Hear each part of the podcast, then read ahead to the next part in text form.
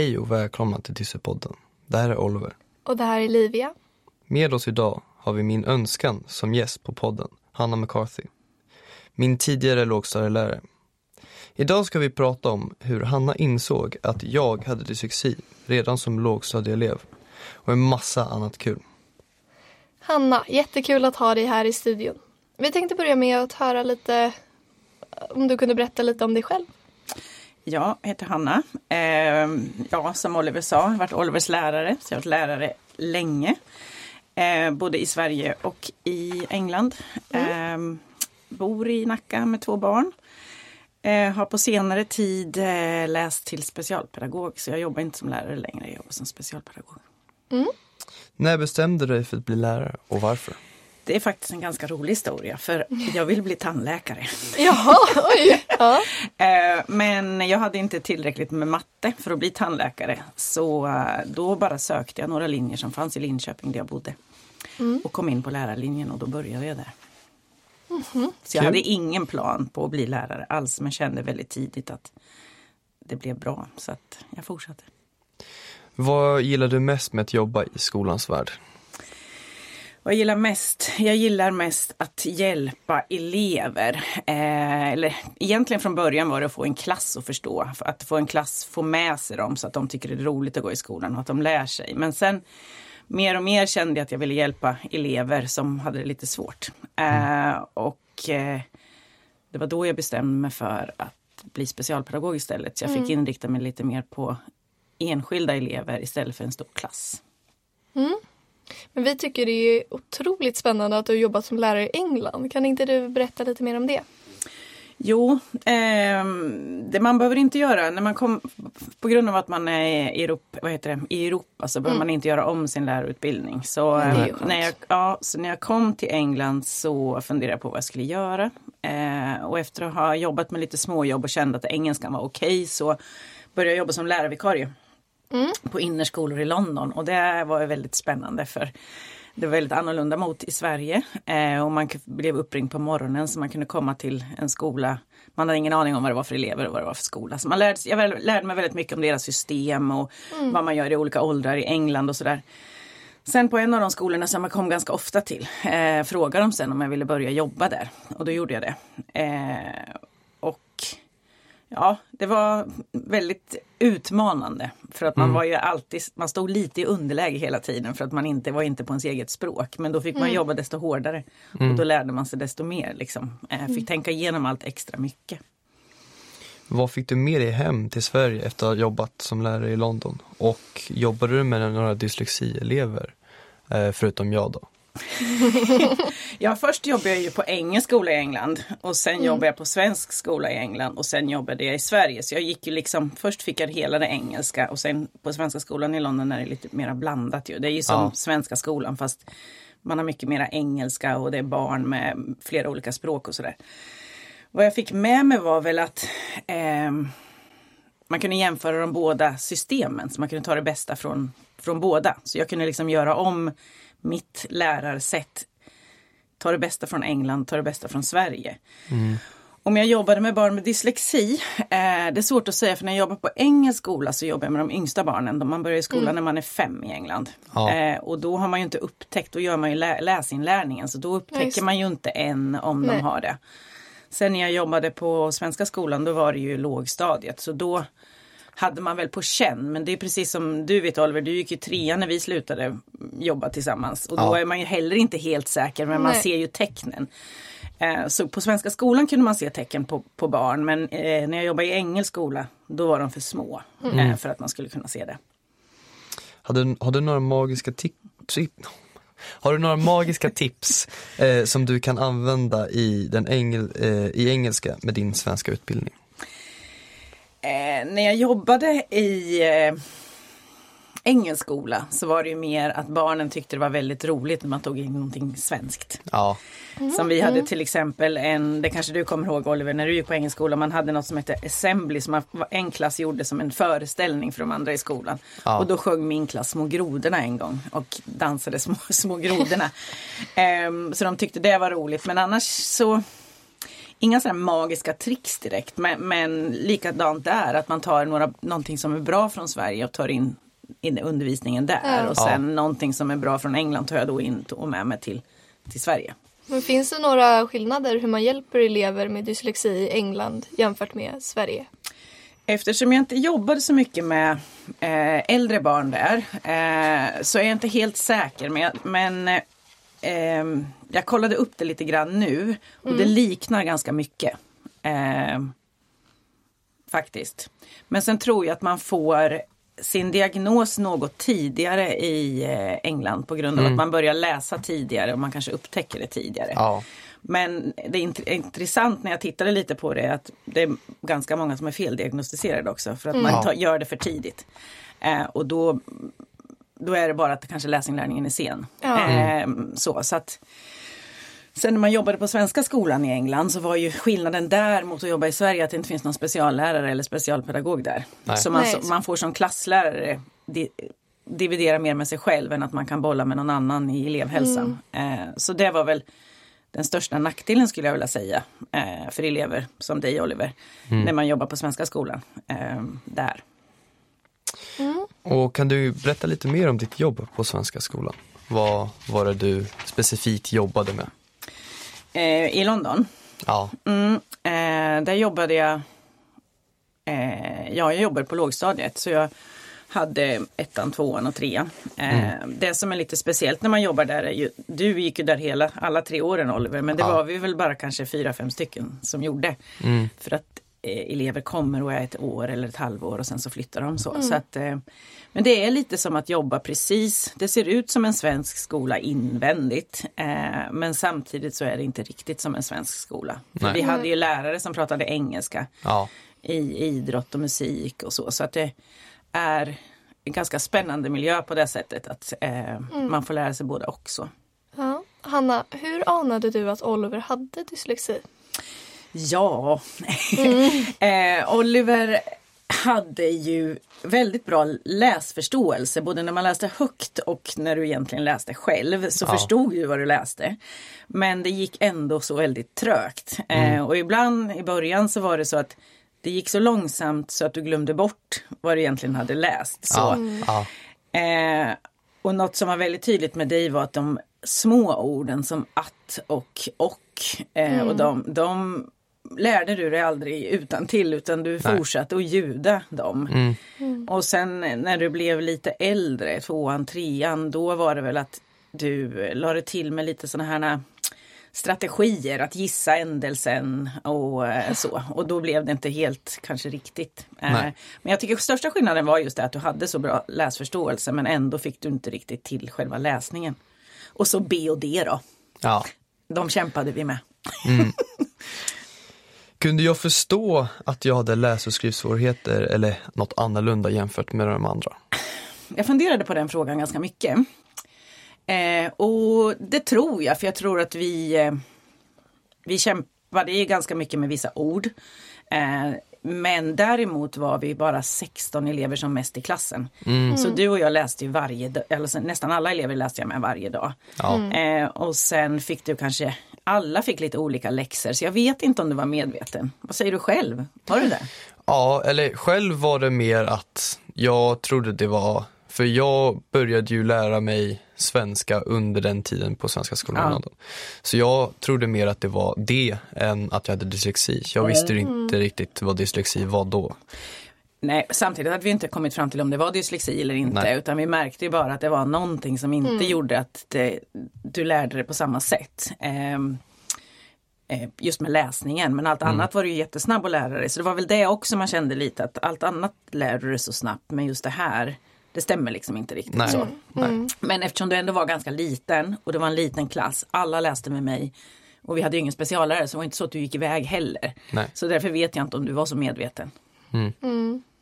Men fanns det några andra barn i Olivers klass som hade dyslexi? Det var ingen som hade det då, det var ingen som Nej. hade fått diagnos. Nej, men Eh, som- men som fanns det väl eh, någon man misstänkte. Ah, okej. Som också blev diagnos sen. Så att, eh, Ja. Men inte riktigt lika tydlig som dig. Nej. Eh, för, ja, nej. Okej, men vad är de typiska tecken på att man har dyslexi? Det du har upplevt och sett. Ja, men det är lite det som jag pratade om som, som Ja, ja. med Oliver där. Men just det här eh, strategi, man, lä- man lägger sig till med gissande strategier. Eh, Som är lite undvikande strategier för att det heller inte kanske ska märkas att, att det är så. Och det funkar ju kanske när man är liten. Sen funkar inte de strategierna viss längre när man, när, man blir, när man blir äldre sen.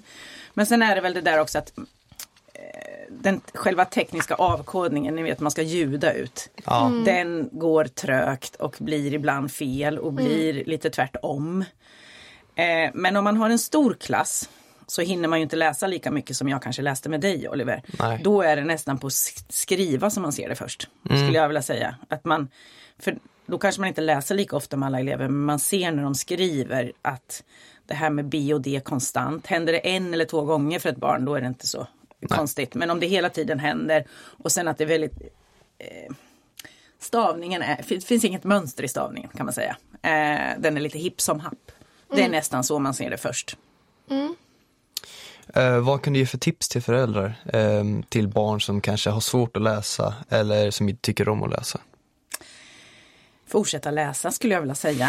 Ehm, och sen att man inte lägger någon värdering i vad man ska läsa. Nej. Det är inte, en bok är inte viktigast. Det kan vara en blogg eller det kan vara en tidning om Pokémon eller det kan vara vad som helst.